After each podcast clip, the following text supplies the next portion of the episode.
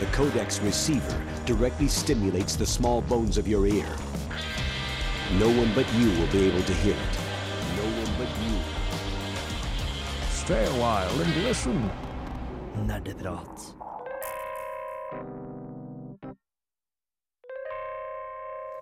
Hallo, hallo, hallo, og hjertelig velkommen til Nerdeprat. Navnet mitt er Tor Magnus, og hører du på oss i reprise? Godt å se deg igjen. Eh, I dag skal vi snakke om noe som kalles live, og det er ikke med L-I-V-E, det er med L-A-I-V. Og det kommer fra det engelske live action role-playing, som sikkert mange som spiller DND har hørt om. Vi skal i hvert fall gå mer i dybden på det her. Og med meg i studio for å snakke om dette her, har jeg Og Maren. Og Andreas. og vår tekniker. Torben! Herlig! Og vi skal gå rett videre til å snakke om hva vi har spilt siden sist.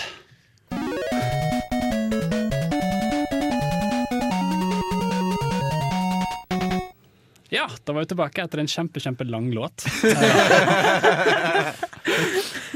ja, nå er, vi, nå er vi fire stykker i studio, så jeg tenker at vi tar oss god tid og prater om hva vi har spilt siden sist. Eh, Åse, hva er det du har spilt siden sist? Eh, vet du hva? Siden sist så har jeg spilt et spill som heter The Idolmaster fra 2005.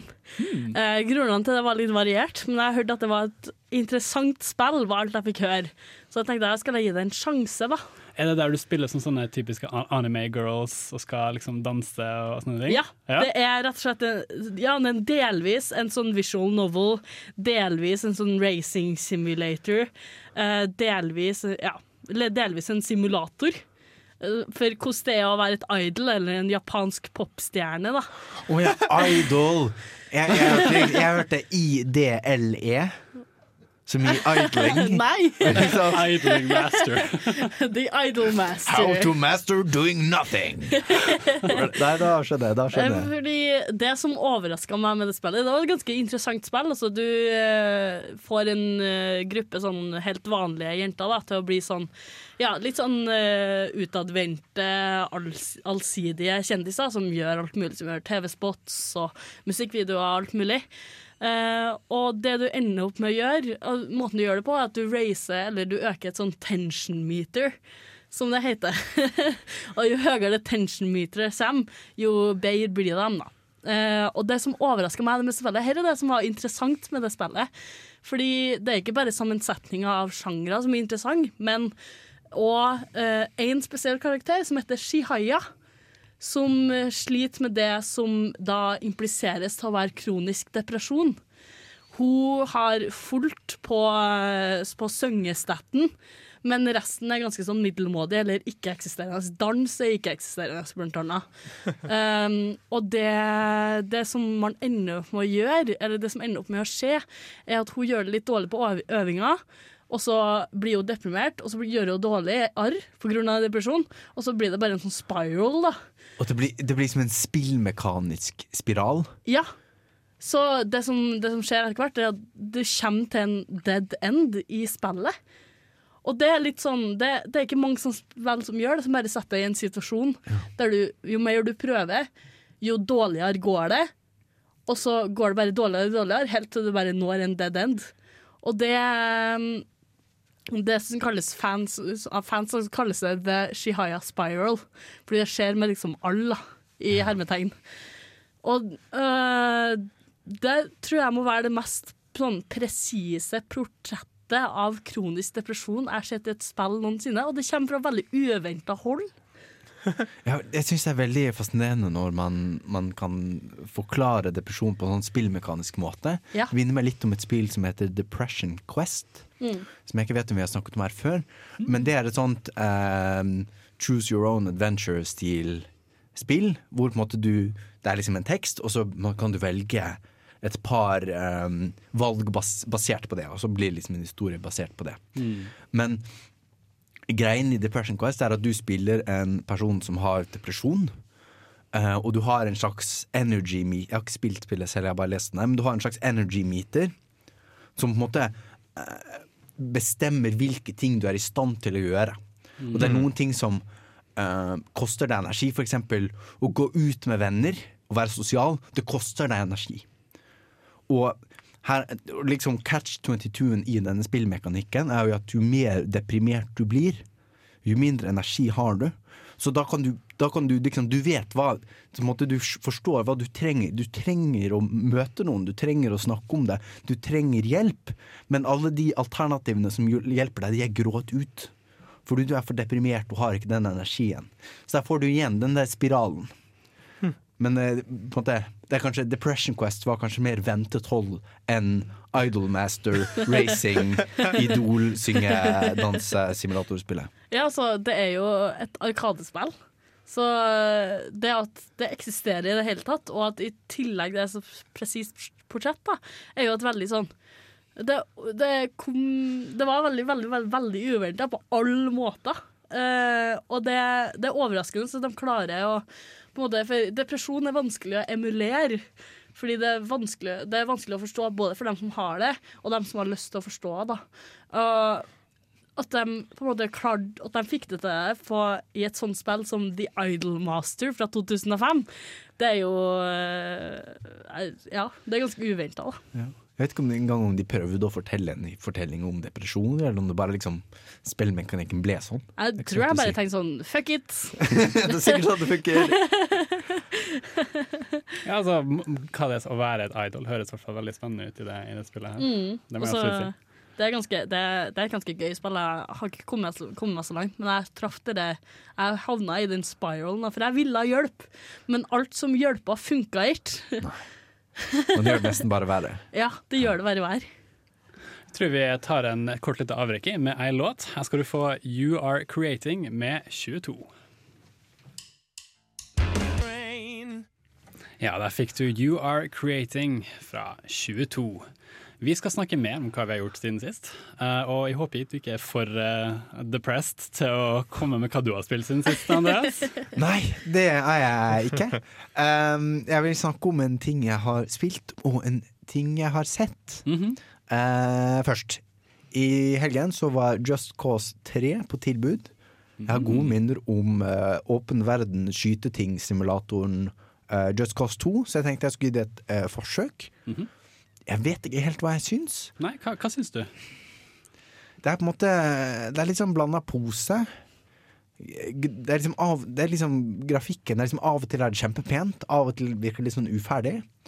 Uh, og det er liksom Av og til er det liksom kjempeåpent og spennende, og av og til er det superrestriktivt. Mm. Og jeg syns ikke det Jeg syns GTA-serien er en av de beste i bransjen på å balansere på en måte den At du har en åpen sandkasse, hvor det samtidig er vits å gjøre på en måte hovedhistoriemissionet. For det du gjør i hovedhistoriemissionet er så annerledes enn det du gjør i den sandkassen enn ellers. Fordi, fordi Just Cause er jo et, et skytespill, sant? Ja. Ja. Trepersons skytespill. Du er eh, Du er Rico, som er en sånn tidligere CIA-agent som er spesialisert på å bringe ned diktatorer. Og det gjør du ved å ødelegge mest mulig. Lage mest mulig kaos. Det er liksom greia. Og sånn som det er på en måte spillmekanisk representert, er at når du ødelegger noe som tilhører regimet, typisk da liksom det er rødt, skyt det, spreng det, på en eller annen måte, da, da, da blir det mer kaos. Det er en sånn meter. Og så må du lage mer kaos, da unlocker du historiemissions. Så mellom hvert historiemission så må du typisk gjøre noe kaosgreier. Så altså, er det sånn at du kan gjøre gode ting òg, og på en måte styre historier i for eksempel en kaotisk retning eller en mer sånn law and order-retning? Nei, nei, nei. nei. Nei? Det Du, kan, mer, du, mer altså, du, du, du skal sprenge ting, men du kan velge hva du vil sprenge først. Ah, poenget er mer og mer kaos. Ja, altså Poenget er kaos. Det er liksom, det er glede, altså, poenget i dette spillet er å sprenge ting, og så gå sakte vekk fra det uten å se på eksplosjonen. Riktig. Med solbriller på. Det er, på ja, måte, det, altså, dette er den type spill det er, da. Det er ikke sånn Hva er det riktige måten Hva er konsekvensene av vold? Det er ikke den type spill. Det er liksom Vil du bruke rakettkasteren eller bombekasteren? Det er liksom Det er valgalternativene her. Problemstilling of the century. Ja, ja så det er vanskelig nok, det. Så det, som på det, den leverer delvis på det, altså. Det er flotte eksplosjoner. Den er veldig fin på ting som sprenges og liksom faller i biter. Og sånn, store sånn satellittinstallasjoner som bare Kjempekule, fine eksplosjoner osv. Ja, altså money was worth it. Du, du Ja. Nei, jeg er litt usikker, for det er, liksom, det, er, det er mye historien jeg syns er litt frustrerende. For de Ja. hiver meg ut i denne åpne verden hvor jeg bare vil ødelegge ting, men så tvinger de meg gjennom historiemissions. Okay. Og og her er, det, her er det jeg vil sammenligne med GTA. Fordi I GTA så har liksom hvert historiemission er noe helt annerledes. Noe helt absurd som du ikke gjør ellers. Så da føles det liksom worth it å gjøre et historiemission istedenfor å reke rundt i sandkassen. Men her er liksom i mission så gjør jeg mye av det samme som jeg ville gjort når jeg lekte under til sandkassen uansett. Så hvorfor skal jeg da gjøre historie missions? Jo, fordi jeg må gjøre det for å unlocke resten av spillet. Altså for å unlocke fast travel, for å unlocke uh, alle våpnene, altså så videre. Så må jeg gjøre de historiemissionsene. Men der gjør jeg egentlig bare en litt kjipere variant av det jeg gjør ellers, uansett. Ja. Så, så, så det er mye bra i det spillet, men jeg klarer ikke den balansen mellom oppdrag og åpen verden så bra. Riktig. Enn enn du, Torben? Hva har du spilt siden sist? Jeg har teknisk sett ikke spilt noe, men jeg har gjort noe spillrelatert. Ja, få høre. Eh, På lørdag så var jeg en tur inn i Midtbyen. Mhm. Og så tenkte jeg at i samme sleng så kunne jeg gå en tur innom platekompaniet, fordi jeg har et par gavekort eh, som, på platekompaniet som jeg ikke har brukt. Hmm. Og så går jeg inn der, så ser jeg Det første som møter meg, er eh, pre-order Nintendo Switch. Dun, dun, dun. Jeg tenker OK, hva er det jeg kjøper i en fysisk butikk? Er det spill? Ja, altså, er det spill til eksisterende konsoller som jeg har hjemme? Nei, det kjøper jeg for det meste digitalt. Men hva er det da jeg kan kjøpe i en butikk? Hmm. Ja, jeg har eh, preordra Nintendo Switch. Og, Hey! Og jeg har preordra The Legend of Zelda Breath of the Wild. Det er vel en given. Altså, du kan ikke skaffe deg Switch uten å skaffe deg Breath of the Wild. Da, da forventer vi anmeldelse.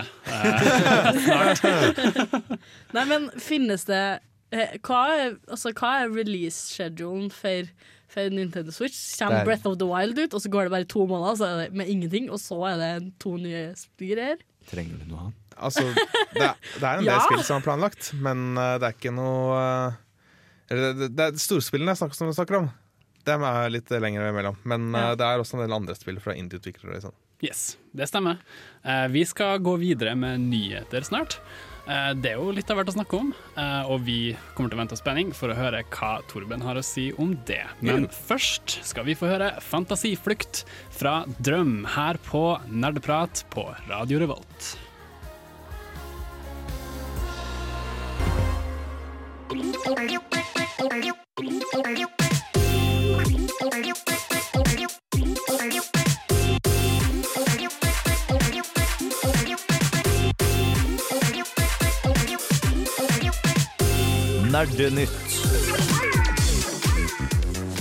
Hjertelig velkommen tilbake. Nå skal vi ha nyheter her på Nerdeprat. Og Torben, Yeah. what's, uh, what's cooking?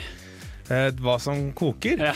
Eh, jo, det som koker, er at det har vært et arrangement her i Trondheim siden sist. All right. eh, som heter Norwegian Game Awards. Det var sist torsdag. Jeg tenker vi skal få snakke litt om det, for vi har nemlig hatt noen folk på et stedet. Yes! Hvem er, hvem, hvem er det? Um, Altså, noen flere nå- her i studio? Nå, Det, det er ingen yngre enn Åse Maren og Andreas. Yes. Vi skal også få høre litt fra uh, Hemmold Bundle, som har en eh, ganske grei bundle ute nå. De har en, eh, et eh, lite prosjekt som hvor man prøver å lage en modell av en Mars-koloni. Eh, vi har fått de første bildene av OS-et til Nintendo Switch.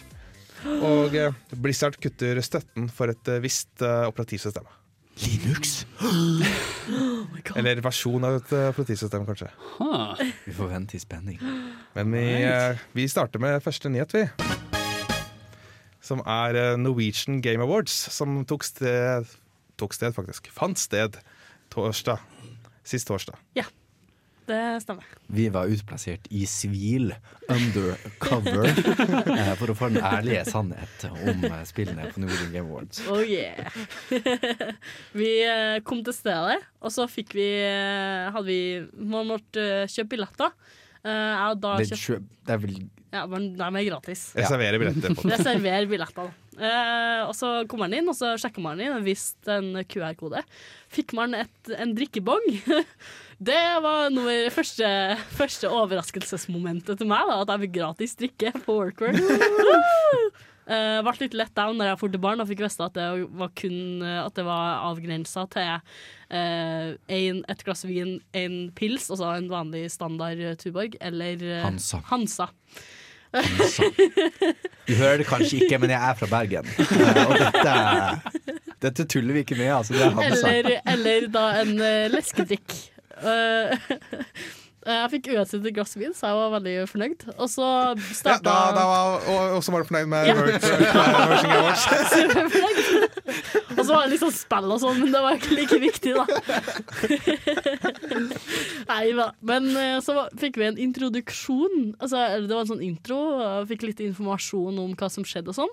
Og så fikk vi litt tid til å mingle og prøve spillene som var i andre etasjen. Dette fant jeg seg på Workwork. Uh, som der, vi, der det var veldig mye folk. Uh, Mm. Pakka inn på veldig lite plass. Jeg fikk ikke spilt noe spill, men du, Dørum, fikk det. Ja. Jeg spilte et spill som heter Eh, per, Peripadilia. Peripa, Ja, det, ja. det, det heter det samme. Det heter det samme som å se øyne øya eller ansikt i objekter som ikke har det. Ja, altså det, det er for fenomenet at liksom hjernen vår er liksom gjenkjenner ansiktet på høygir og liksom ser en stol, ser ut som noen smiler osv. Mm. Ja. Eh, og det er også et hint om hvordan dette spillet fungerer. Ehm, fordi, for, for å ta ett skritt ut i metaretning først. Jeg må si, her var det, altså, jeg føler Norwegian Game Awards har kommet til riktig sted. Fordi det har tidligere vært liksom Enten på en måte sånn som 4-bit games, som jeg synes nesten er litt for høyt nivå. Til å liksom eh, De trenger ikke så mye hjelp, da fordi de, de lager liksom dritgode spill. Eh, og, så har du, og så har du på en måte hatt på en måte, ting som folk har laget i et månedsprosjekt på universitetet som ikke er så interessant. Jeg føler vi traff liksom eh, Goldilocks zone med liksom akkurat passe Altså Det er spill med spennende konsepter som trenger en del arbeid.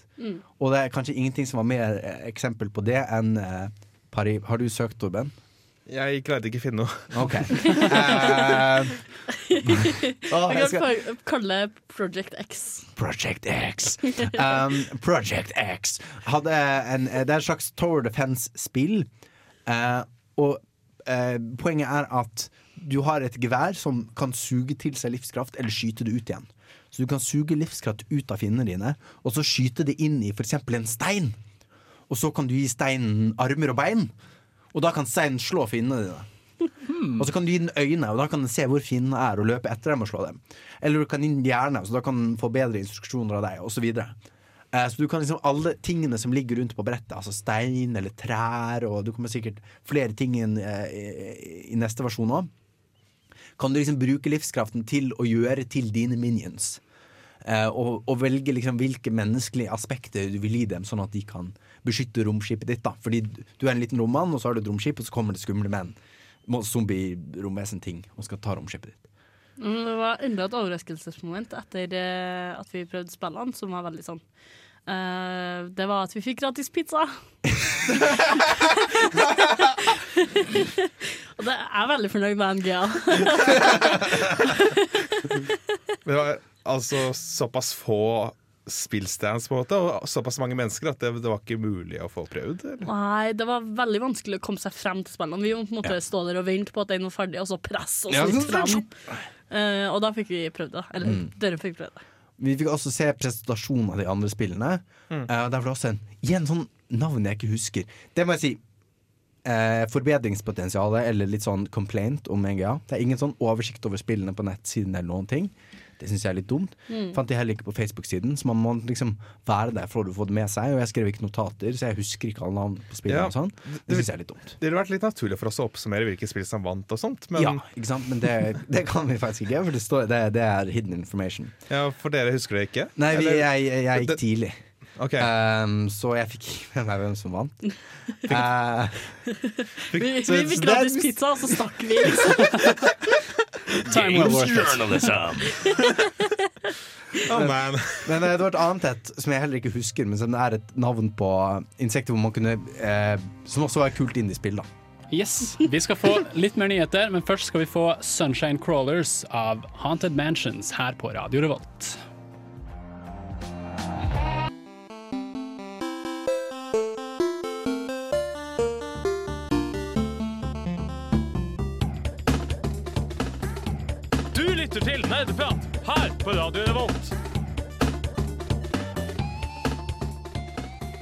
Stemmer, vi er fortsatt på Nerdeprat, og vi skal få mer nyheter.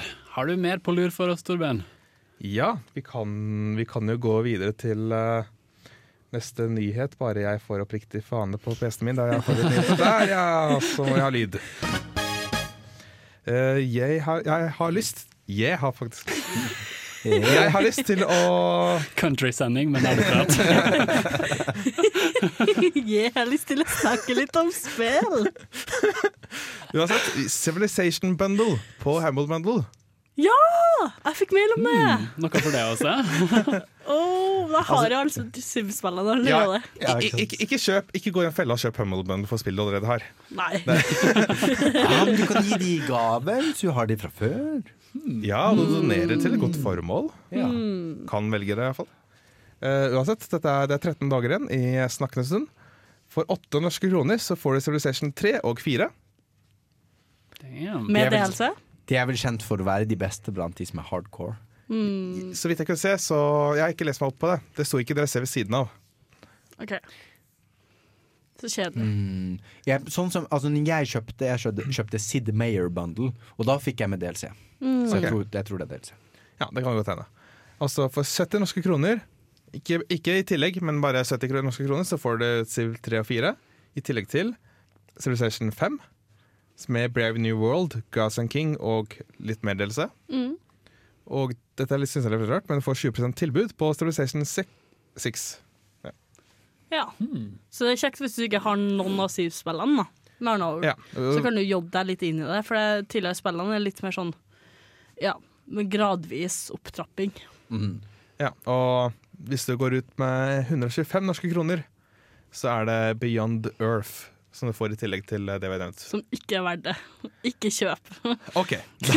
Da, vel, Ikke kast bort pengene dine på det. det er vel 70-kronersbundlen som får vår seal of approval, tror jeg. Ja. Ja, Det og det er, da, det er da gjennomsnittet, så det kan godt hende at den eh, stiger inntil du har kjøpt, ja. eller synker.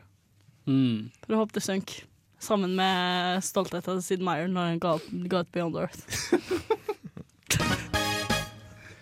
Vi, går, vi holder oss eh, til rom, eh, romtemaet, fordi at eh, i januar så var det et studio som heter Blackbird Interactive som fikk en forespørsel fra NASA.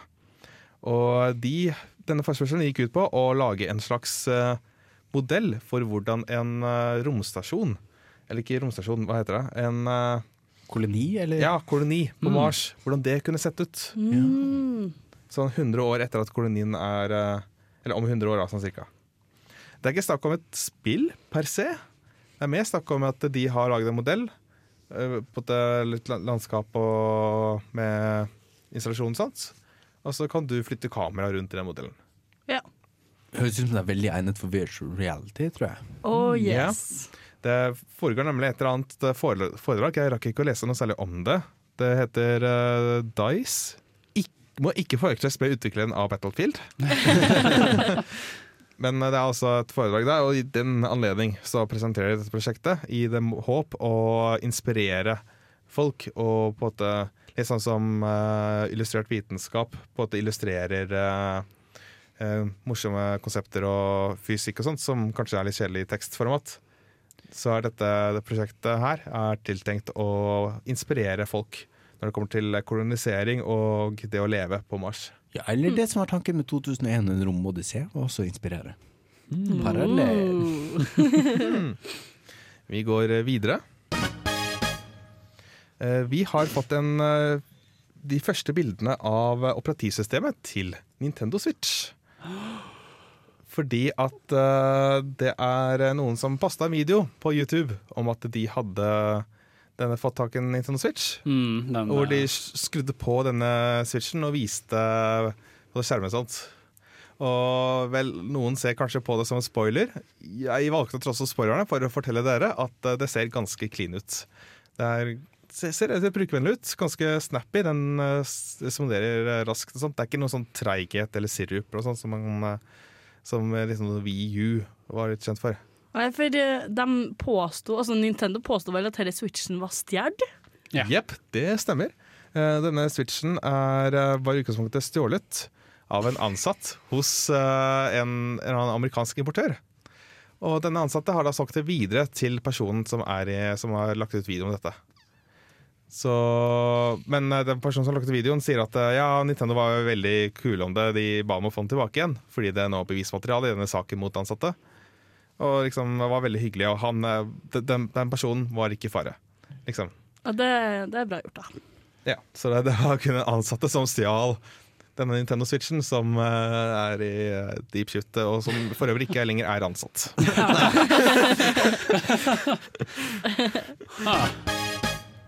og helt til slutt, Blizzard kutter støtten for Windows XP og Vista. Å nei! Så hvis det er da snakk om World of Warcraft, Starcraft 2, Diablo 3, Hearthstone og Heroes of the Storm, som du etter hvert i løpet av året ikke lenger kan spille på din Windows XP eller Windows Vista. Eller, du kan vel spille, men det er ikke, du får ikke support for det? Eller kutte Ja, dem? eller de, de vil kutte sånn at du, neste oppdat oppdatering for eksempel, så støtter den ikke lenger det operativsystemet. Ja, for det er jo noen av disse som har sånn always on uh, DRM. Altså Ja. Du må være tilknyttet til en annen server for å spille, selv om du bare spiller singleplayer. Så kan det at du faktisk ikke kan spille det på en XP-maskin. Så hvis det at Windows ikke lenger gir sikkerhetsoppdateringer ikke var nok for å få deg til å bytte operativsystem, så er kanskje dette er kanskje spikeren i kista. Absolutt, det, det høres i hvert fall eh, sånn ut. Eh, vi skal snart eh, få ukas spørsmål her på eh, Nerdeprat, men før det skal vi få en låt som heter 'Falling' fra Great News her på Radio Revolt.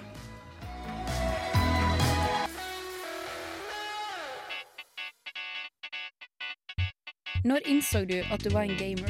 Dersom du kunne spilt kun et spill i et år Hva er det eldste spillet i backloggen din? Og du var på en øde øye i helvete mens du var 11 år gammel Hva har du lært fra spill som du har fått nyte av i hverdagen? Er det et spill som har hjulpet deg gjennom en tung periode av ditt liv? Hva er ukas spørsmål? Ja, ukas spørsmål. Dere lurer sikkert alle på eh, hva det er. Eh, nå skal vi eh, faktisk snakke om ukas spørsmål, og det er jeg som skal stille ukas spørsmål. Så du slipper å svare? Bare gikk litt rundt i sirkel her. Skal vi se. Ukas spørsmål er som følgende. Eh, hvis dere skulle reist tilbake i tid, som type til vikingtida Det er sånn, Dere må kjempe med sverd og liksom slå inn fantasy, sure, why not? Og Målet deres var å lage et måltid i denne tidsperioden, men alt dere fikk lov å ta med dere, var det dere hadde i kjøleskapet deres nå. Hva, hva ville dere endt opp med å lage? Altså, jeg kan supplere med ting fra vikingtiden. Altså, du må ta Eller- med det du har i kjøleskapet ditt. Du reiser Ja. tilbake i tid, nå skal du lage et måltid der. Du har ingen elektroniske hjelpemidler der, men du kan ta med deg alt som du har i kjøleskapet ditt. Men altså, Kan jeg bare lage et måltid av et eller annet jeg finner i vikingtiden? Eh, nei, du må forholde deg til det du tok med deg fra kjøleskapet ditt. Ok, da skjønner jeg. Jeg, bare, jeg vil bare tette rammene. Nå prøver jeg å tenke ut hva jeg har i kjøleskapet. Og så Maren. Uh, egg og kaviar. Egg og kaviar. For i kjøleskapet har du egg og kaviar. Og ost, da. egg, kaviar og ost. Jeg er ikke redd hva jeg kan lage av det. Jeg har tyrkisk yoghurt. Um, og jeg har frokostblanding. Så det blir fort tyrkisk yoghurt med frokostblanding. Er- Men må det være kjøleskapet? Jeg får ikke ta med fra kjøkkenskapet heller. Ja, altså type brød og sånne ting vil jeg absolutt eh, ta med. Sånn necessities rundt, ikke sant. Har du bakepulver, sure, ta det med. Det er jo i skapet og ikke i kjøleskapet, ikke sant. Da tror jeg hmm.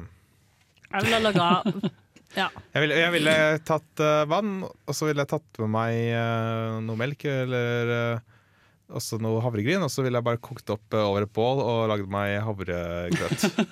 Vent litt. Eh, fordi jeg deler kjøleskap med flere. Kan jeg ta med meg noe fra kjøleskapet? fra Irland deres? Ja, ja, ja, selvfølgelig. Dette forklarer um, hvordan uh, Nei, Nå prøvde jeg å komme på en matvare som du liksom skulle ha stjålet fra meg. Men jeg vet ikke hva det skulle vært. ja, men vi deler ikke kjøleskap. Nei. Vi Nei men, jeg, jeg, jeg, prøvde, jeg, jeg prøvde på en, en, en, en løgnaktig morsomhet også. Det var det jeg forsøkte på. Ja. Men, vi, men altså, vi har altså, Det er ikke helt uten, uten grunn, altså, fordi vi, vi, er, vi bor i samme kollektiv, jeg og Åse-Maren. Mm. Jeg og Åse- Åse-Maren og Torben, faktisk. Ja. Så kanskje kan vi slå oss sammen? La, la oss Altså, spille på det her nå. Nå slår dere dere sammen. Ettersom vi liksom har Po- kjøleskap ved siden av hverandre. Ja, Poenget er jo at du ikke kan varme opp en pizza her og ta den med den ned, fordi du skal på en måte bruke det du finner i vikingtida. Ja, men du, altså- du har ikke ovn, ikke sant? Men det man kan gjøre, er å, varme opp eh, Altså Hvis vi klarer å få opp et bål, da. La Mm. oss være litt optimistiske. Vi får til et bål. Det er vanskeligere enn du tror, altså. Ja, men litt sånn Jeg har vært speider, det går sikkert bra. Um, Trust me, I'm an expert. ja. Trust me, I'm a pyromaniac. Um, og så finner vi en stor, flat stein, og så lager vi steinstekt pizza. Det blir kanskje ikke helt en ovn, men altså hvis vi varmer opp, vi varmer opp steinen på glørne, Ja. og så har jeg en mozzarella eh, Ristorante mozzarella i fryseren. Og da tar vi den på Da tar vi den på. Steinovnsoppvarmet uh, Altså, ja, altså stein, eh, varmer den på liksom pizzasteinen. På veldig veldig sterk undervarme. Bare ja, undervarme. det blir mest undervarme, men da blir den crispy, ikke sant? Veldig crispy. Veldig crispy, ikke så mye annet, men crispy. Uh, og så har jeg ruccola og, og Mm. da tyrkisk yoghurt istedenfor crème fraîche. Og så tar vi på en dert med, dert med, med kaviar, bare sånn at jeg bidrar litt. Ja, ja, alle, alle må bidra. Så må alle Jeg tror jeg har jordbærsyltetøy stående så Mm. mye Ah, hylla mi. OK, det trekker vi ut. jeg, tror du, jeg tror du må opprette din egen stamme, Torben. For det Nei, jeg, jeg, jeg ville aldri verdens visste. Men Men du vil vi, jeg, vil vi skal spise det? Nei, altså vi, jeg og Maren lager vårt eget stammesamfunn. Mm. Ja. Men, men tror dere dette her ville slått bra an? Eh, Denne pizzaen og kaviar med vikingene, lokalbefolkninga? At liksom det, det hadde vært lettere å, å selge kaviaren til vikingene. Ja, fordi jeg Um, tror de hadde, har vært borti kaviar. Ja, det kan være. Men det er sikkert dritvanskelig å få tak i i vikingtiden. Så kan vi bytte til oss en, et, et lam eller noe sånt. Ja, og så lager vi noe lam. med det lammet. Da Ja. kan vi Ja, Ja, kan jeg, kan, jeg kan ikke tilberede lam, da. Nei, så dette blir jo veldig spennende. Altså, jeg er jo strengt tatt veggis, men jeg tenker liksom er man i vikingtida, så er man i vikingtida. det, det er jo et unntak. si, jeg, det, dere er bedre på å leve dere inn i dette enn det jeg er. Ja, jeg lever meg inn i den hypotetiske situasjonen. Ja. Hint, hint, ukens tema, som er live. Ja, for, for det er jo akkurat det vi skal gå videre på nå etterpå. Uh, vi skal snakke mer om live og liksom hva det er for noe. Uh, og du Andreas har jo mye med det å gjøre, som jeg gleder meg til å snakke om. Uh, men før det så kjører vi på med ei låt som heter Black Veil fra Mary Saba. Og du hører fortsatt på Nerdeprat her på Radio Revolt. See you soon.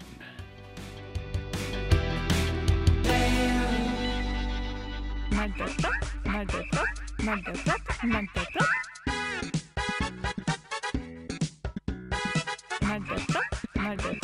Nerdeprat, nerdeprat.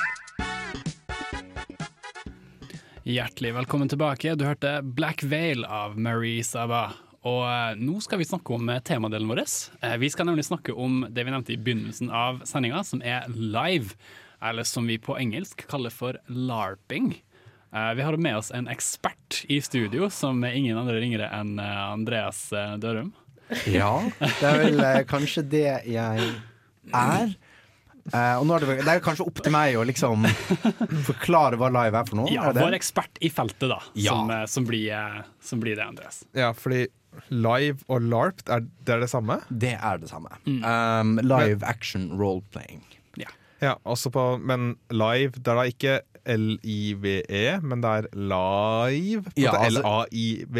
Ja. ja. Vi, Så fa det er vi måtte... fant vel ut på, på Wikipedia at på, måte på norsk så er det et, et spill av ordet live.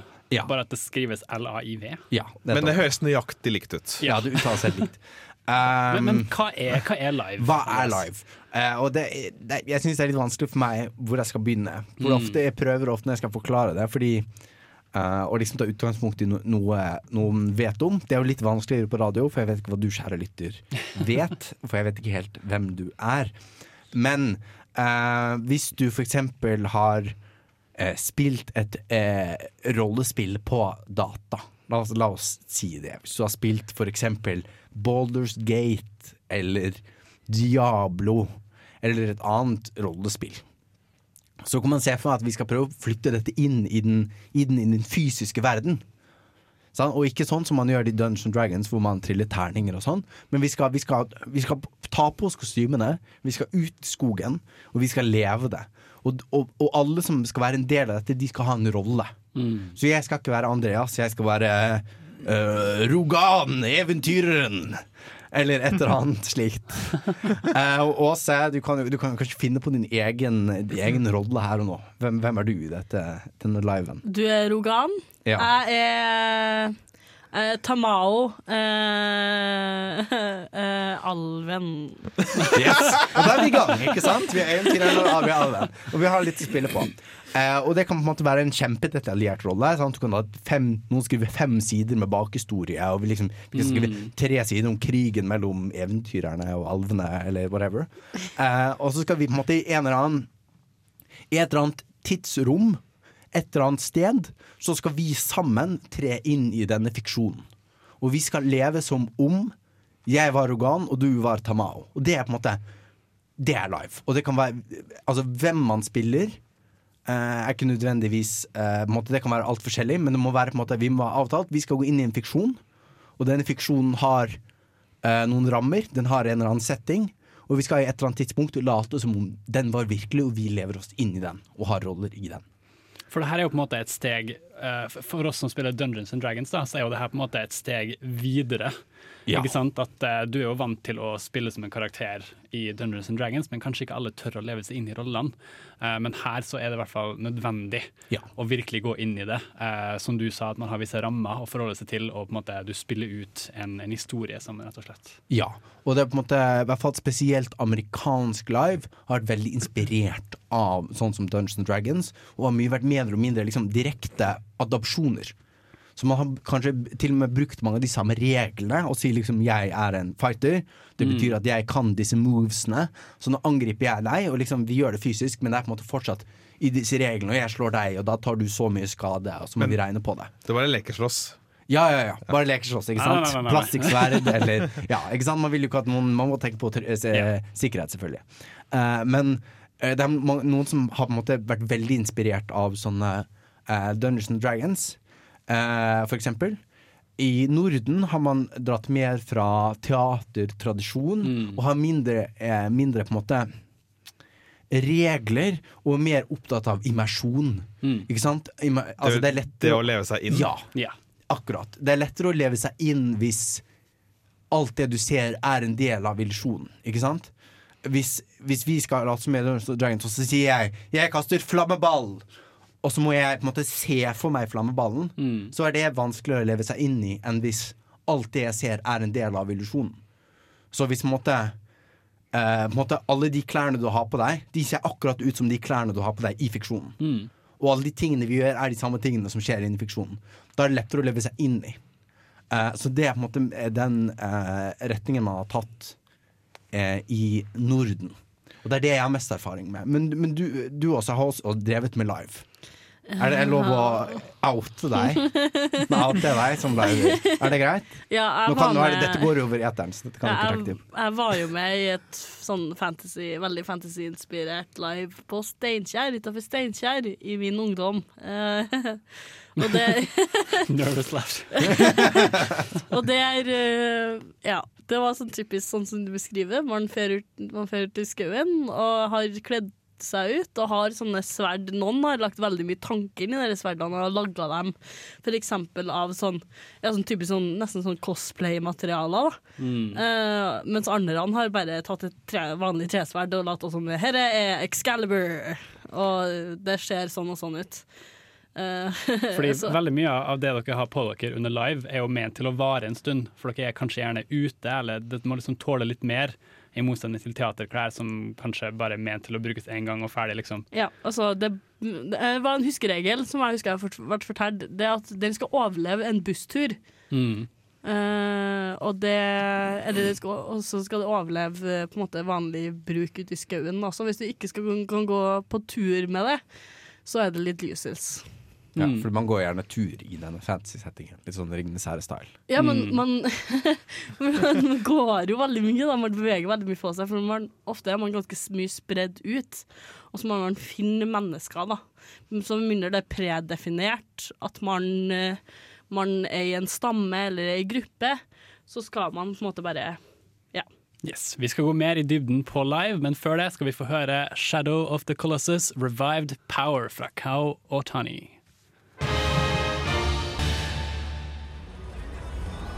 Du lytter til Nerdeprat fra Radio Revolt. You're listening to Nerd Talk from Radio Revolt. Hei, hei, og du skal fortsatt høre mer på live. Vi skal nå gå mer i dybden på hva det er og hvordan det fungerer, rett og slett. Uh, Andreas, du, du har jo mer om det her, og for all del, forklar meg. Altså, hvordan kan vi gå mer i dybden her? Ja, altså jeg tenkte det letteste nå, istedenfor å gjøre det abstrakt, er å gjøre det så konkret som mulig. Mm. Så jeg har med meg uh, manuset for en, en live som jeg skrev sammen med to andre. Mm. Tenkte bare vi kunne gå litt steg for steg gjennom den. Og liksom, ok, Hvis dere skulle spilt denne liven sammen med meg, da hvordan, hva ville dere gjort da? Hvordan ville det fungert? Så jeg tenkte bare jeg kunne gå steg for steg gjennom den, og så kan dere liksom spørre hvis det er noe eh, dere Mm. lurer på underveis. Så dette er liven 24. august.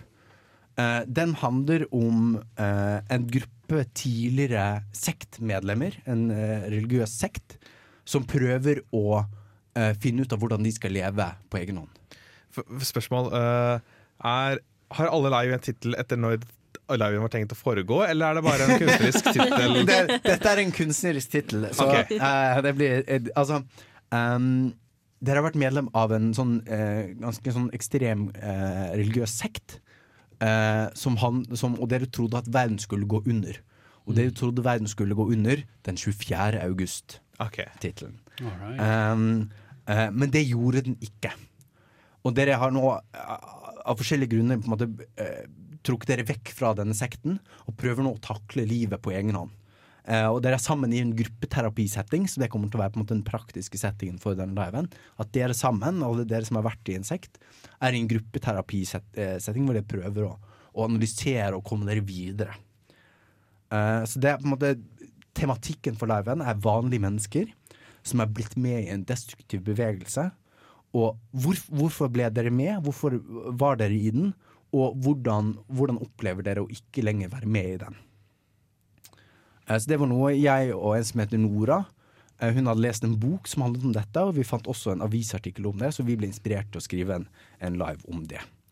Så sånn live, eh, liven kommer til å fungere, er at vi kommer til å bruke en og en halv time på å eh, varme opp og sammen med dere lage rollene som dere skal spille, og forberede oss på rollespillet.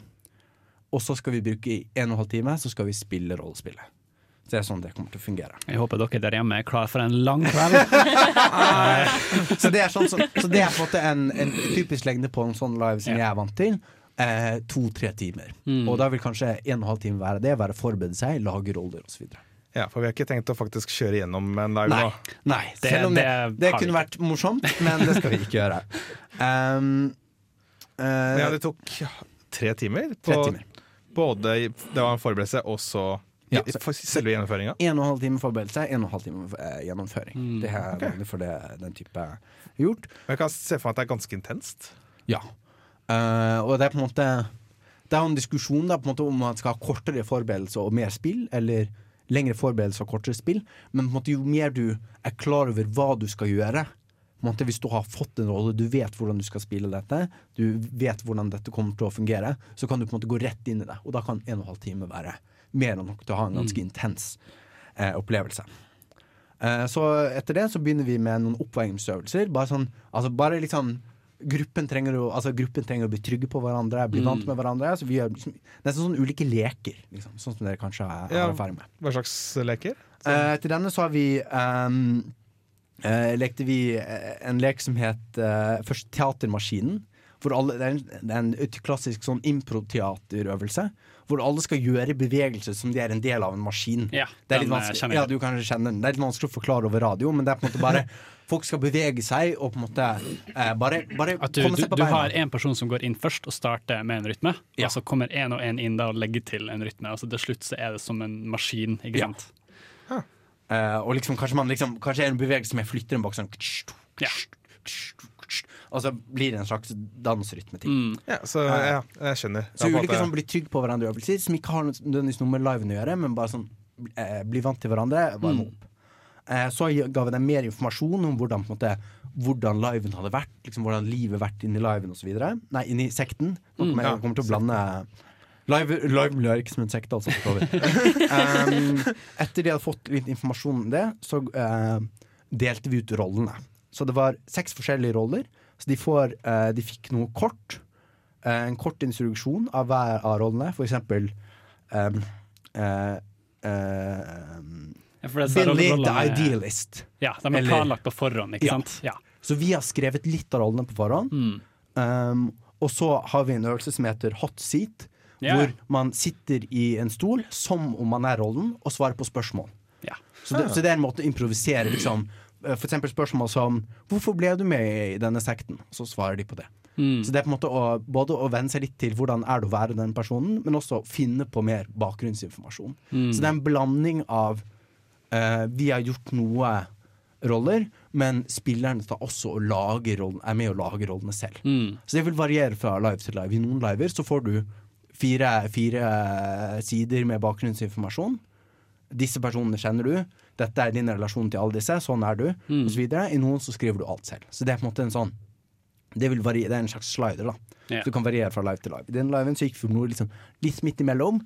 Noe gitt på forhånd, noe finner spillerne på selv. Mm. Ja. Hva var det neste? Uh, etter de har fått den, uh, så får de utdelt en artikkel.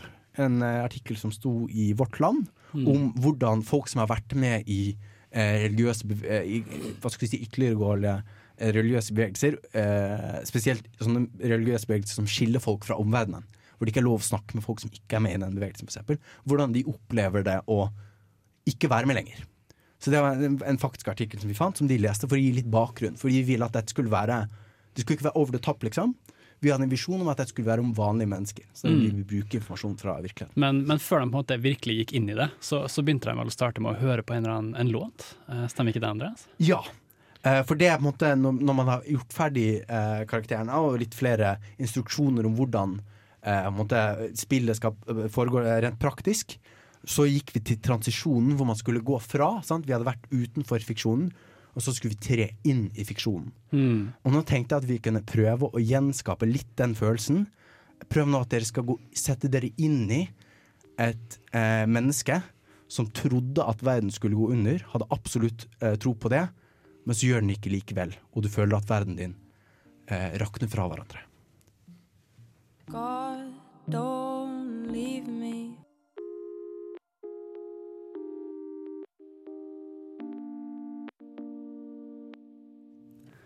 Det er da altså God Don't Leave Me av High As A Kite, som man da hører på mens verden rakner sammen.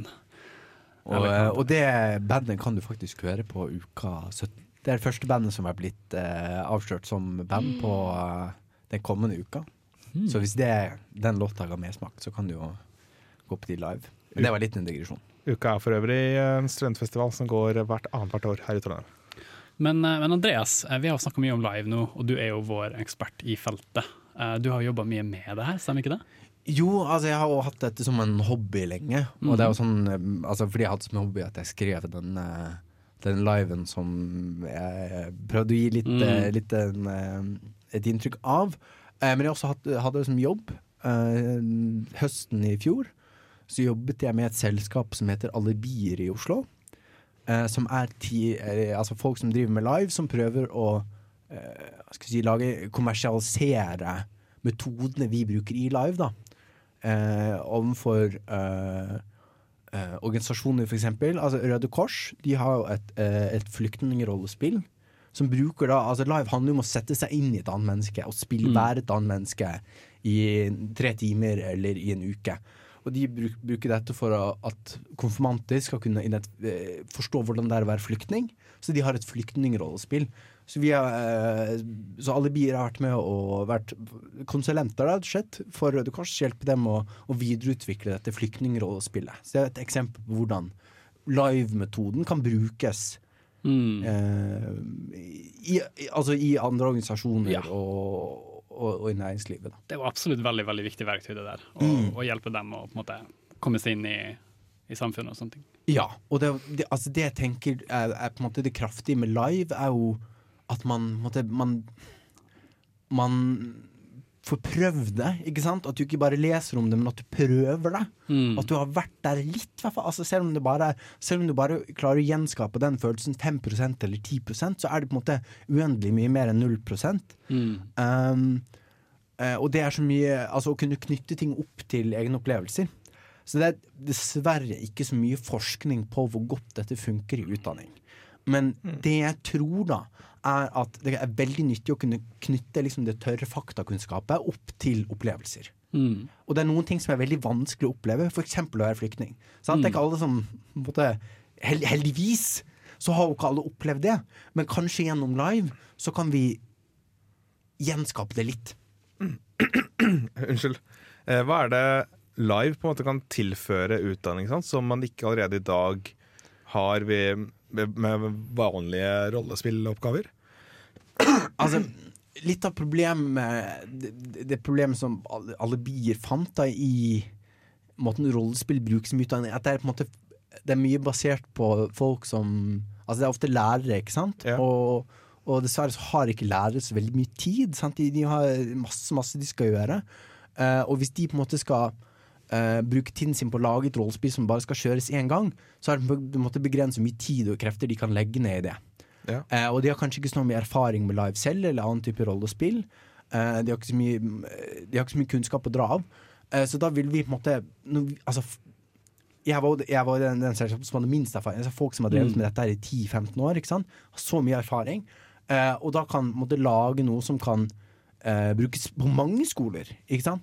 Eh, og da kan man rett og slett få en helt annen Kall det kvalitet, da. Altså, måte, eh, å få til denne her empatien. Fordi vi måtte ha gjort det så mange ganger, kan man få til å bruke empatien til å f eh, bedre læring. Hva vil du si var din største utfordring mens du jobba med live? Eh, det, det er mye. Eh, men du kan si det er en av de største utfordringene jeg fant i et prosjekt som jeg jobbet på. Det var hvordan vi skulle balansere. Og det har jo for all del mye å si med, med altså, design av alle typer spill òg. Altså å balansere hva er det som funker å spille, og hva er det som er korrekt. Altså Vi Mm. lagde en, et historiespill for å hjelpe eh, videre, eh, videregående og, og, og ungdomsskole lære om trelasthandelen i Norge på Mm. 1700-tallet. Oh, spennende. Og liksom gjøre det litt mer virkelig, og litt sånn, litt sånn, eh, litt sånn strategispill, ikke sant. Um, og det er på en måte det er noen ting som fungerer spillmekanisk, men så er ikke det alltid helt riktig. Og hvordan man skal gjøre det kompromisset da, mellom hva var det som faktisk skjedde, og hva er det vi kan få til å gjenskape på to timer. Er var, det litt altså. sånn, var det litt sånn The World Peace Game? At du skulle forhandle med, med tre? Ja, absolutt. Uh, litt sånn med The World Peace Game, i, i en mindre skala. The World Peace Mm. Game er på en måte hva skal jeg si, den hellige gral av sånn Ja, klasseromstrategispill.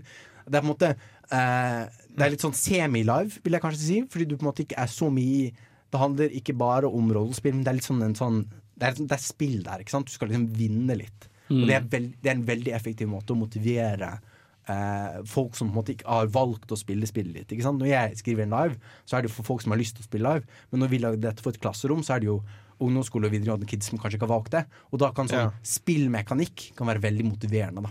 Mm, Du kan vinne. Uh, vi kommer til å snakke litt mer om det her og gå inn på noe som heter Escape Room, uh, nå etter uh, Aries eh, theme. Eh, men, men ja, først så skal vi i hvert fall høre Aries theme fra Super Guitar Bros her på Nerdeprat. Yes.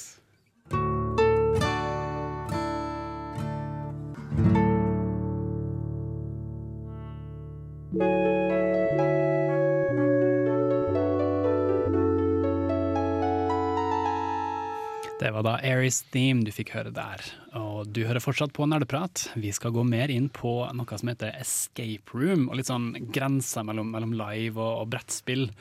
Eh, når er det det går ut i virkeligheten? Eh, og altså, Escape Room, det er jo på en måte der du har virkelige folk som på en måte er, som, som i et spill, da, fanga i dette rommet, og skal på en måte ved å eh, klare puzzles komme seg ut. Ja, jeg deltok jo på en escape room for ikke så lenge siden. Mm. Borti ja, du vet, nord i Trondheim. Og, og så vi så først en video som satte oss inn i hva som var på en måte settinga. Og så var det om å gjøre å løse puzzles og lese, lete rundt, rundt og si sånn Hei, har vi magnet? Har vi magnet? Er det noen som har sett magnet? Ja, her er magnet. Å, da kan vi fortsette med den puzzlen her. Og så er det Mm. plutselig sånn fem andre puzzles som foregår, foregår samtidig. Men du, du ser denne videoen, og du blir på en måte satt inn i en eh, story. Det er på en måte grunn til at du er i det, dette stedet. Men har jeg livet, uh, Ja. Andreas? Det er jo et godt spørsmål. uh, og det tenker jeg har i den situasjonen så er det nesten litt opp til deg. Uh, for altså, man har jo på en måte Man har gått inn i en slags fiksjon. Sant? Dere er jo ikke faktisk låst inn i dette rommet. Dere kan bare si fra over radioen 'Unnskyld, vi vil, vi vil stikke, jeg vil ikke leke denne leken mer', og så blir jeg sluppet ut. Så det er jo liksom Det er bare låst inn på liksom. Så det er en fiksjon. Dere er inne i en fiksjonell verden. Check. Og det er på en måte en avgrenset tid. Check. Det er en ramme rundt det. Og det er, det er en setting. Ikke sant? Eh, Escape Room har en eller annen setting. Jeg vet ikke hva som var settingen for denne. Ja, det var zombieapokalypse. Zombie, og- ja. ja, ikke sant? Så setting, klar setting. Ikke sant? Men det er én ting som mangler, og det er at uh, man spiller en rolle. Ja. Um, For der, der, der spilte jeg Torben, som har uh, stubla inn i zombie-apokalypse. ja, det, det kan egentlig være en rolle Altså en rolle det er, det, er litt sånn tvilsomt. Kan du spille deg selv? Men det er på en måte du, din oppgave var ikke å liksom spille deg selv sånn som Torben ville reagert i en Nei. zo- zombieapokalypse. Det var det ikke. Dere var på en måte fokusert på eh, å løse puzzles. Dere var ikke fokusert på liksom Å gud, hvor er familien min? Hva skjedd? Riktig. Det, Skal, skal, vi, skal vi åpne opp, eller skal vi bare bli her? Er det, er det vits å leve lenger? Altså, det, det var ikke liksom Dere prøvde ikke å sette dere inn i måte, den emosjonelle situasjonen. Så dere spilte ikke roller. Så det er på en måte én ting som mangler. Mm. Men det er så klart, man kan jo gå inn i escape room og si til de andre hva hvis vi skal live litt? Og liksom gjøre akkurat det. Man altså, kan, og, man kan fri, det. og frike ut personen som står andre enden. Hjelp! Man kan jo det, eh, men det er på en måte ikke påkrevd. Men hvis man har gjort det, så ville jeg kalt det en live. Men det er på en måte den ene komponenten som Mm. mangler. da For at jeg vil kalle det et escape room. Eh, jeg, må, jeg må nesten spørre, uh, har, har du spilt et spill som heter 999? Nei. Nei. Uh, det er veldig kort da at det, er folk som er sperra inne uh, og må komme seg ut. Eh, du Er- har er dette et timer. dataspill? Eh, det er på DS, tror jeg. Ja. Eh, ni timer på å komme ut, og du har ni personer som har på seg klokka med tall fra én til ni. Og de kan gå gjennom tre dører, men tallene de har på seg må matche tallet som er på døra. Så person nummer én og person nummer to kan gå gjennom dør nummer tre. Fordi én pluss to blir tre. Ja. Og litt sånn da, og så fortsetter det og fortsetter det. Eh, og jeg tenker liksom, du, du har jo en viss narrativ her, som også da er poenget i en escape room. At du har Mm. folk som virkelig er her inne, og liksom «Ah, Vi må ut! Ikke sant? Altså, det, det er noe som skal ta deg hvis du ikke kommer ut, antar jeg. Eller nå nå bare spiller jeg litt. Ja, på en måte, altså, nei, nei, nei, man kunne gjort dette til live. På en Mm. måte Hvis du hadde sp- eh, tatt disse personene og puttet i den settingen og gitt dem roller. Mm. Ja, for Escape Rooms de er, jo, de er jo inspirert av sånne, sånne små sånne spill. Som eh, Klassisk sett så er det jo Flashspill er en veldig populær plattform for sånne escape games. da Og eh, det deler jo mange liker, da, bare at i sånn spill så kan man jo hive inn masse greier. Man kan jo eksempel ha Ja, jeg husker det var et flashspill jeg spilte når jeg var sånn 15, der det dukka opp sånn skumle høv i Eller skumle ansikt i vinduet på det rommet, som økte den effekten. Men man kan jo Det er jo en annen måte å oppleve det samme på, da. Hmm. jeg lurer litt på en annen uh, ting som kanskje kan være ganske nærme live. Og du har jo vært, nevnt det litt, Andreas. Eh, nemlig sånn rollespill. Dungeons and Dragons og generelt penn og papir. Ja.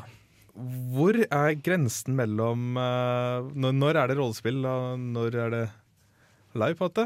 Hvis, man, man kan jo sende seg inn og ha kostymer og sånt på rollespill også. Ja, og man spiller jo absolutt en rolle. Man har en, I de fleste sånne bordrollespill Dungeons and Dragons, så har man jo en, en karakter som på en måte er din. Mm. Men du kan si det er på en måte ikke noen Det er ikke påkrevd at man må rollespille det. Nei, du kan liksom sitte der og si uh, Krognar bruker dobbeltsverdangrep, og så triller du terningen, og så Mm. får du 16 på terningen, uh, og så triller du skadeterning. Altså, du trenger på en måte ikke leve deg inn i det. uh, men det er, det er oppstått, og dette er litt sånn interessant i miljøet, at det er på en måte Folk kommer til live fra forskjellige ting, fra teater, fra Dungeons and Dragons. Så det er på en måte forskjellige vinklinger på hva live er, da. Og Dungeons and Dragons er på en måte en av de vinklingene inn, da. Yes. Vi skal gå videre på mer om live, eh, men før det skal vi høre Kingdom Hearts Birth by Sleep, Fate of the Unknown.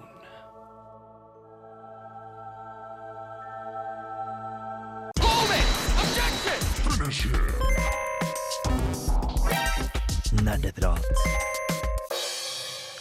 Yes, Velkommen tilbake til Nerdeprat. Vi skal fortsatt snakke mer om live. eh, og nå skal vi snakke litt om det som du nevnte kort her i stad, Andreas. Dette med å på en måte komme inn i en rolle. Uh, for eksempel disse som eh, før du begynner å spille live, så går du jo inn og gjør noen øvelser for å bli trygg med gruppa di. Mm. For jeg, jeg kan jo se for meg at det er ikke så lett for folk som ikke har vært med på det før, å kanskje gå inn i en rolle og forholde seg til disse imaginære rammene. At måte, Når du rollespiller for første gang, så er det litt sånn tør du å dumme det ut. ikke sant? Altså, Litt som med prestasjonen. Har du opplevd noe sånt? Um, forbausende lite. Oi. Altså, fordi det er mange som, for det er mange som spør, er ikke det skummelt? Altså, det er mange som på en måte aldri kunne tenkt seg å være skuespillere, for eksempel.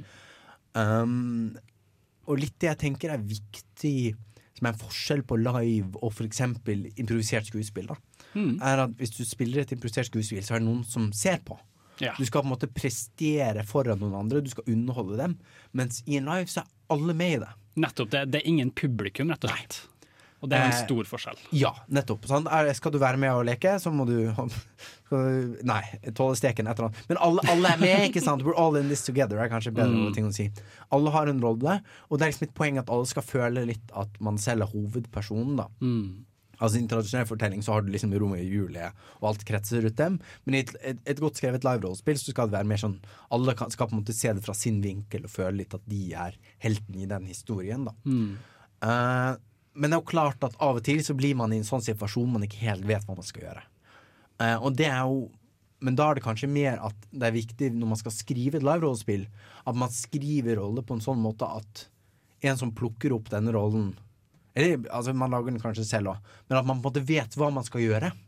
Man må på en måte ha litt um, Veldig viktig å ha agens, som vi kaller det. Altså et, en eller annen ting du kan Du vet at OK, jeg kan Jeg er detektiven, så jeg kan øh, gjøre disse tingene. Og da har du på en måte en eller annen oppfattelse et et utgangspunkt. Et utgangspunkt for et eller annet du, du, du kan gjøre. Så Eh, du har på en måte en liste over ting du kan gjøre? Eller hva? Altså, ja, implisitt eller eksplisitt, da. Altså, Det kommer jo helt an på Som jeg nevnte tidligere, med hvordan denne slideren på roller. Ikke sant? Det, Ja. kommer, det vil variere veldig fra spill til spill. Altså på hvor mye du selv får lov til å legge inn i rollen? Eller hvor mye ja, som er ja, forhåndsdefinert? og- ja, hva er forhåndsdefinert, og hvordan er den definert? Mm. Den kan være definert mer abstrakt. Liksom, du er fargen rød, og hvordan oppfører, fargen rød seg? Ikke sant? Man, kan, man kan gjøre det, eller man kan si du heter uh, Stein, Du er Steinar Sagen. Jeg vet ikke. Altså, jeg, det har kanskje vært en rar, eh, rar uh, live.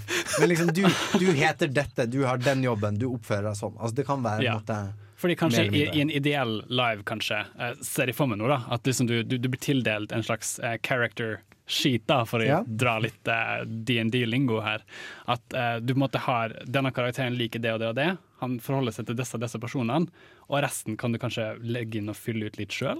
Ja, og du, og du må jo improvisere underveis. Det er jo på en måte Det er det som gjør det til en live, og ikke til et, Mm. eh, et skuespill med manus. Liksom. Altså, det, er ikke noe, det er ikke noe manus for hva du skal si.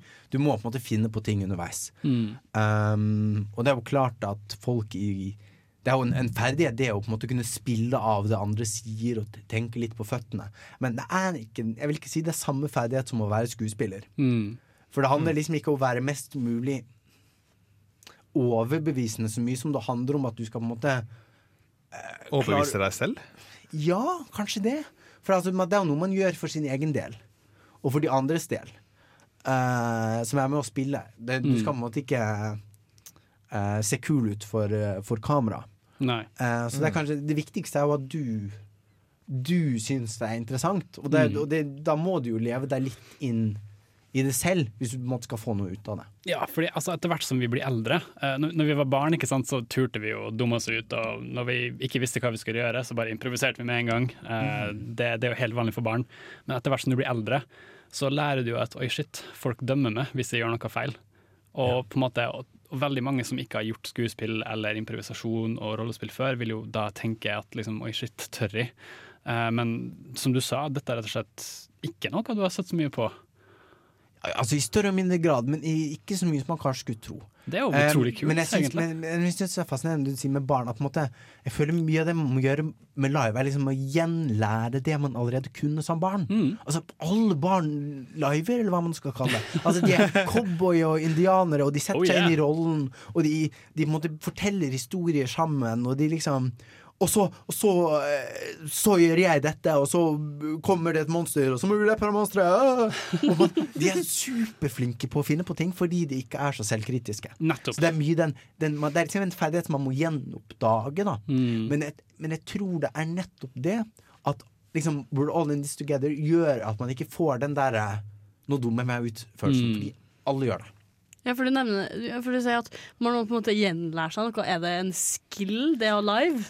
Må man øve seg, eller er det på en måte, ligger det en sånn godt grunnlag der fra barndommen at man bare kan på en måte åpne kista igjen, da, for å si det sånn? Du, jeg, vet du, jeg klarer ikke å bli, bli enig med meg selv om akkurat det. For jeg har så lyst til å si at nei, all, alle kan live. Living er ikke noe ferdighet. Men det er jo klart at måte, man, man har Jeg har spilt live hvor jeg på en måte er imponert over hvor kjapp noen klarte å på en måte definere en situasjon.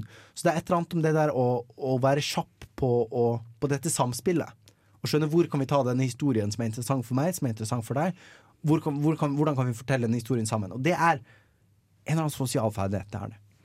Vi skal gå dypere inn på den fantasifulle delen av live, og litt om hvordan det er som eh, da vi var barn. Eh, Men eh, først skal vi høre 'Farewell and Tears' fra Hitoshi Sakimoto fra Valkyria Chronicles. Radida til bardaga. Ja, ra ra radida. Ja, vil til bardaga. Nerdeprat på Radio Revolt! Ja! Vi fikk der høre en låt fra mitt favorittspill, Valkyria Chronicles. Eh, men vi skal snakke mer om living, og vi var inne på en veldig god diskusjon her uh, om både liksom hvordan det var for, for barn før, og dette med å gjenlære seg. Dette å faktisk tørre å leve seg inn. Eh, og vi, vi, kan, vi skal fortsette på det nå. Uh, på en måte fordi når vi var unge, så var det sikkert mange som kanskje leka litt med sverd og pinner. Ikke sant? Eller leker eh, Pokémon. Jeg er Charizard! og jeg gammel. Tipp for æsj! Min, min vennegjeng var underdogene og spilte eller leka Digimon. Det er, det er jo kult i dag, da. Var det, var det Mm. battles mellom de som lekte Pokémon og de som lekte Nei. Crossover Nei, event! Greia med å bo i en litt liten by er at det er bare én gjeng per skole som er litt sånn nerder. Så eh, vi, all, det, var, det, var ingen, det var ikke noen flere gjenger, det var bare kun én gjeng, og vi spilte ingen Eller, For, for, eh, for, for litt det her med, som vi snakka om i stad, med, med, med unger. At de, liksom, de har jo alle disse fantasiverdenene. De, de liver jo egentlig hele tida, Mm. gjør de ikke det? Mm, ja, på en måte. Ja. Jeg vil absolutt si det. Eh, og det er på en måte å, å gjenoppdage den gleden, for det er på en måte ikke lov for voksne å, Mhm. å, å leke. Uh, så jeg tror det er veldig mange som opp, når de oppdager live, oppdager måte hvor mye, mye glede det er i det. Og liksom å, å være noen andre. Og det er, måte, det er noe av det som er liksom ren ja, litt, sånn, litt sånn som man uh, lekte da. Man liksom setter opp en en live med liksom sitt favorittunivers. Liksom Fire, Mm. En Firefly live, eller en Star Wars live. Eller, altså det er mange som gjør det, og liksom er det dritfett. Mm. Liksom bare, sånn, altså bare gøy, rett og slett, med å, med å, å, å leve seg inn i den verdenen. Men man kan jo også, det er mange også som liker å på en måte skal si, være mer hermetegn voksen. Mm. Eh, altså, sånn som vår live om sektmedlemmer. Som måte, det er på en måte ikke gøy i en på en måte, ordinær forstand. Altså, det er på en måte å utforske altså, en, psykologisk tung situasjon. Men det kan på en måte være jeg vet ikke, nesten en form for terapi. Å liksom oppleve, oppleve de følelsene. Og liksom og, og, og en, en slags glede i å forstå et annet menneske. Da. Så det er på en måte, det er på en måte det, både det Du har liksom det barnlige ved det, som er liksom det å leke og sette seg inn i en person, men også liksom tar den voksne spinnen med liksom å Jeg har lyst til å forstå hvordan det er å, å være så religiøs, eksempel. Nettopp. altså Det er jo litt det du, det du sier, det er kanskje ikke gøy i den forstand at ha-ha, vi har det morsomt, vi ler. Du, du har jo på en måte skuespillere som, som står og, sku, og spiller inn Hedda Gabler, som, Mm. som er et absolutt veldig dystert eh, stykke om en, eh, en kvinne som ikke veit hva hun vil, og bare brenner alle broer, og ting, altså folk dør. Men på en måte det å bare leve seg inn i rollen eh, for en voksen person, da, kontra det å være barn, også er på en måte underholdende i seg sjøl. Ja. Og, og, og, og meningsfylt, kanskje. Det, det er liksom opp for det som det er liksom Absolutt. Ja, altså Når vi snakker om mening, hva er For i skuespill så er det jo ment som underholdning, sant? Men hva får man ut av å på en måte skuespill uten et publikum? Det er jo mer for sin egen del, da. Ja. På en Ja. måte. Altså, det er, jo- det er jo liksom ehm, jeg, jeg snakket med henne som har vært og spilt uh, Vår Live, Mm. Uh, og hun snakket om uh, For hun har religiøs bakgrunn, men har senere blitt ateist. Og hun sa jeg, jeg skulle ønske at alle mine ateistvenner hadde spilt denne liven, sånn at de forsto hvorfor folk er religiøse. Fordi veldig mye av denne liven handlet om var på en måte at hvordan Dette var liksom triste hva skal vi si, mennesker med feil som klarte, klarte å takle de feilene gjennom troen sin.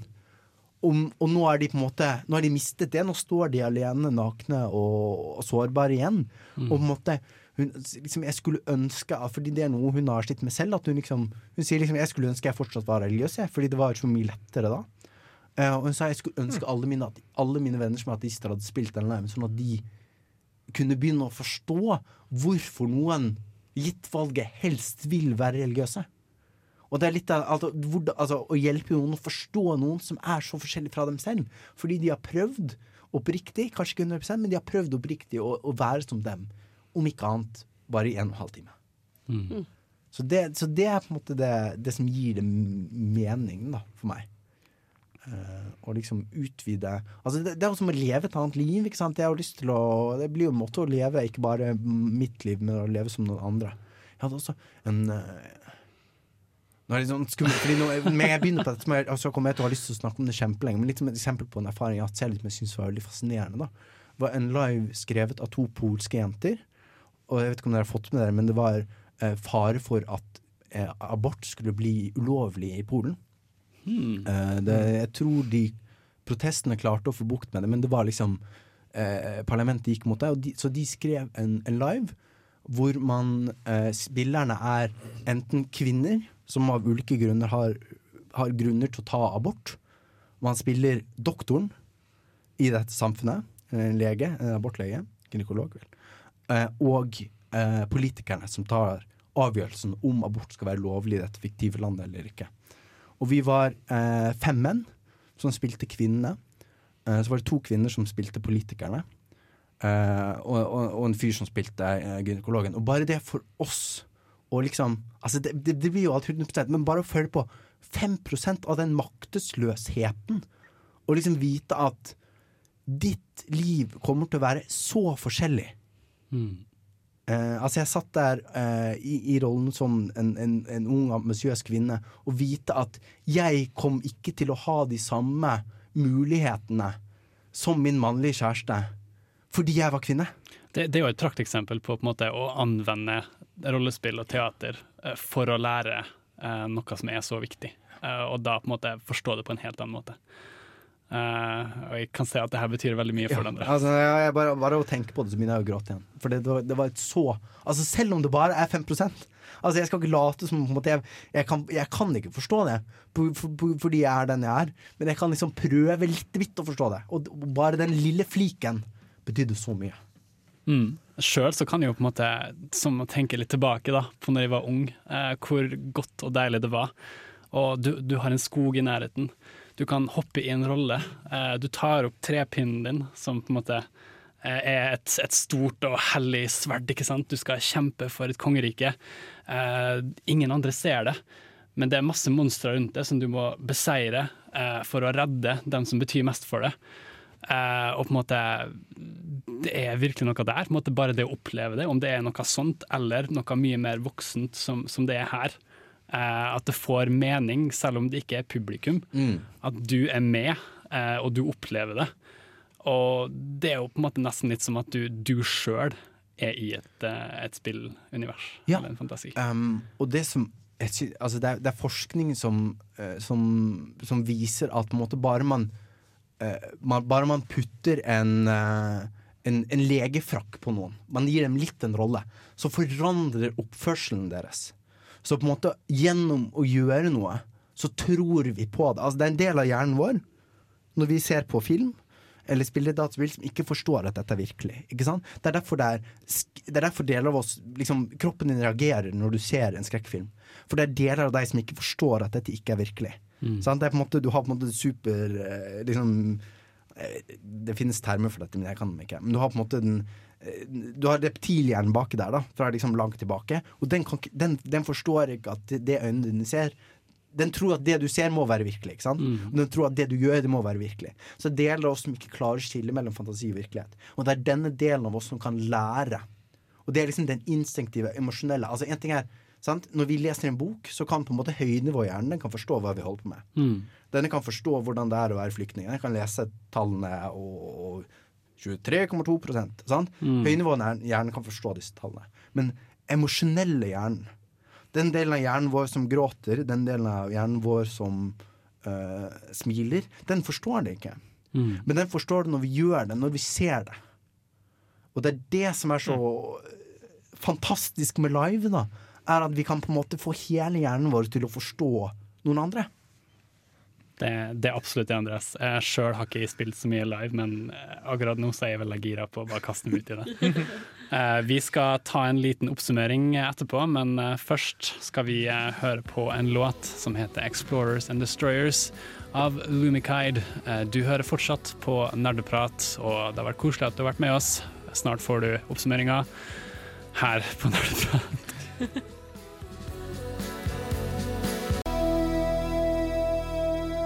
Du hørte 'Explorers and Destroyers' av Lumikide der her på Nerdeprat. Og eh, nå har jo vi snakka om, om live i dag. Eh, vi har snakka litt om hva det er for noe. Vi har snakka om litt forskjellige typer. Og vi har snakka om liksom, hva som gjør live så spesielt og meningsfullt eh, for oss. Litt om hvordan det er å sette seg inn i det. At eh, det egentlig ikke er så vanskelig. Eh, og hvordan man kanskje kan komme inn i det, Andreas. Ja, for jeg tenkte jo Det er synd hvis noen, eh, noen der hjemme tenker live høres smart ut. La, Ja. eh, la meg prøve det, og så vet jeg ikke helt hva de skal gjøre.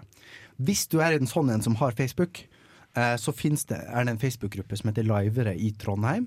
Der postes det annet liver som skjer, eller andre ting i miljøet. Du kan bl.a. blant annet lese om liven som, kommer, eh, som skal settes opp 11. mars, som heter Oh there, we seem to have run out of time.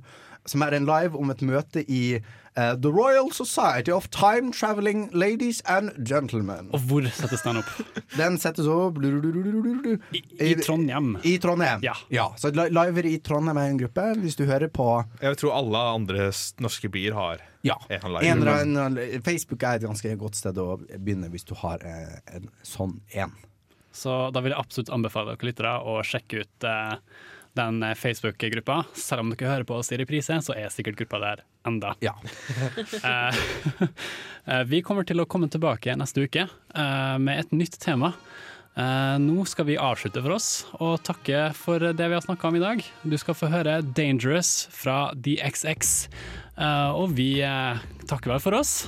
Takk fra Åse, Andreas, Torben, vår Ja. kjære tekniker, og fra meg. Så vi ser dere igjen neste uke, folkens. Ha det bra! Ha det bra! Ha det bra! Du lyttet nettopp til en podkast fra Radio Revolt. For å høre flere av våre podkaster, gå inn på radiorevolt.no.